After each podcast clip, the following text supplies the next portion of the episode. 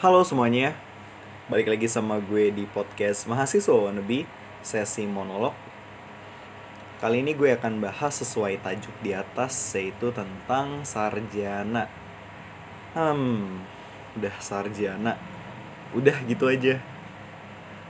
To be honest, I can't describe how I feeling right now Karena gak tahu kenapa ya kalau gue sih gak ngerasa ada perbedaan kalau misalnya gue ngomong tentang sarjana di benak gue itu cuma tentang sidang dan kalau emang misalnya gue ngomongin tentang sidang yang ada di benak gue itu cuma iya deg-degannya aja.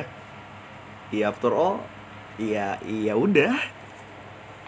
Kalau emang misalnya gue mau ngomongin tentang kerasa nggak sih kuliah selama 4 tahun? Bisa dibilang iya. Uh, even gue yang termasuk orang yang ya terkategori cukup aktif lah ya dalam berorganisasi. Tapi gue ngerasa apa yang gue laluin selama 4 tahun kemarin tuh nggak terlalu berasa. Karena gue ngerasa gue sekarang lebih mikirin ke depannya mau ngapain. Gue iya bingung aja ke depan tuh harus apa. Mungkin kalian semua ngerasa hal-hal yang sama gitu kayak gue atau mungkin gue doang kali ya. Ah kekhawatiran. Kekhawatiran apa yang kalau emang misalnya bakal dihadapin sama para sarjana? Uh, gue pribadi orang yang cukup khawatir. Khususnya khawatir akan kemampuan diri sendiri. Kemampuan yang apa ya gue ngerasa gue belum mumpuni untuk dunia di luar sana. Gue kurang percaya diri atau mungkin gue kurang portofolio. Mungkin juga ya gue kurang relasi. Atau bisa kita ya sudutkan ke kurang orang dalam ya.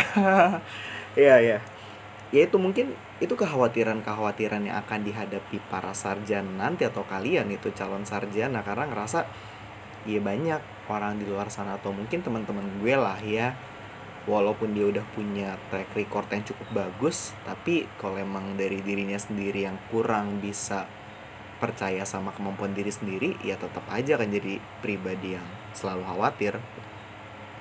Gue pribadi juga orang yang ngerasa ya belum siap menghadapi realita cari kerja. Kayak berat aja gitu untuk ngomongin hal-hal kayak gitu belum siap ngadepin realita di mana ketika gue apply ke beberapa perusahaan Iya, misalnya gue apply ke 10, 20 or maybe 50 perusahaan, tapi gue cuma dapat satu panggilan. Iya, gue belum Iya, gimana ya? Sedih gak sih kalau ada di posisi kayak gitu? Atau misalnya ketika kita mau nyari kerjaan yang sesuai sama passion, sesuai sama minat yang kita impi-impikan, tapi ternyata pas kita ngecek kualifikasinya selangit. Makin ngedown aja tuh. Akhirnya kita bakal pasrah dan mikir ya udah deh mau kerja apa juga? Iya ya udahlah yang mau terima aja yang penting dapat terus gue jadiin itu batu loncatan. Padahal faktanya juga nggak semudah itu. Kayak gue analogin tadi ini gue punya cerita temen gue sih terus story yang mana dia sempat pindah ke kelas malam dengan harapan dia punya apa ya dia pindah ke kelas malam dengan harapan pagi siang sorenya itu dia dapat pekerjaan dan dia apply apply ke mana-mana dan bisa kerja dengan baik gitu tapi faktanya ya nyari kerja nggak semudah itu.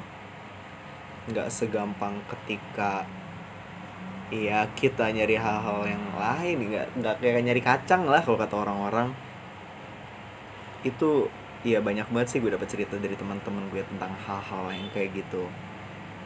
Ya gue ngerasa belum siap aja untuk ngadepin hal-hal yang kayak gitu. Uh, cuman entah gue sendirian di sini atau gue ditemani oleh kalian-kalian juga yang punya rasa hal yang sama seperti ini gue mungkin cuma ngasih nasihat aja sih. Kita saling sharing aja lah ya tentang berbagi nasihat lah. Ya untuk saat ini setelah sarjana rehat dulu lah sejenak.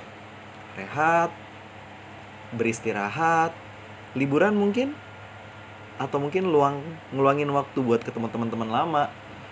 Luangin waktu untuk ketemu teman-teman di luar sana luangin waktu untuk ketemu orang-orang baru luangin waktu juga untuk saling berbagi referensi di luar sana. Karena kalau emang misalnya kita tetap stuck di situ-situ aja kita gak akan maju.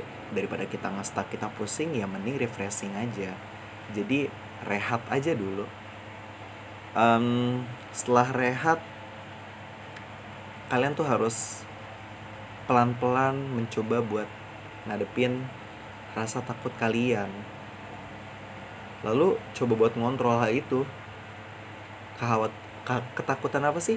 Kayak gue bilang tadi kekhawatiran juga ketakutan-ketakutan seperti di atas tentang kerja tentang apa yang akan dilakukan ke depannya yang ngerasa masih abu-abu. Ya setelah rehat setelah liburan luangin waktu dapat referensi pelan-pelan beraniin diri ayo.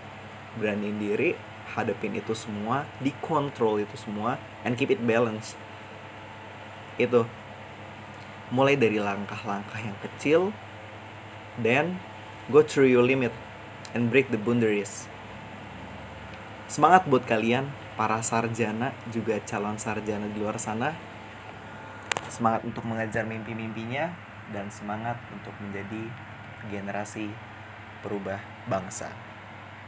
Bye.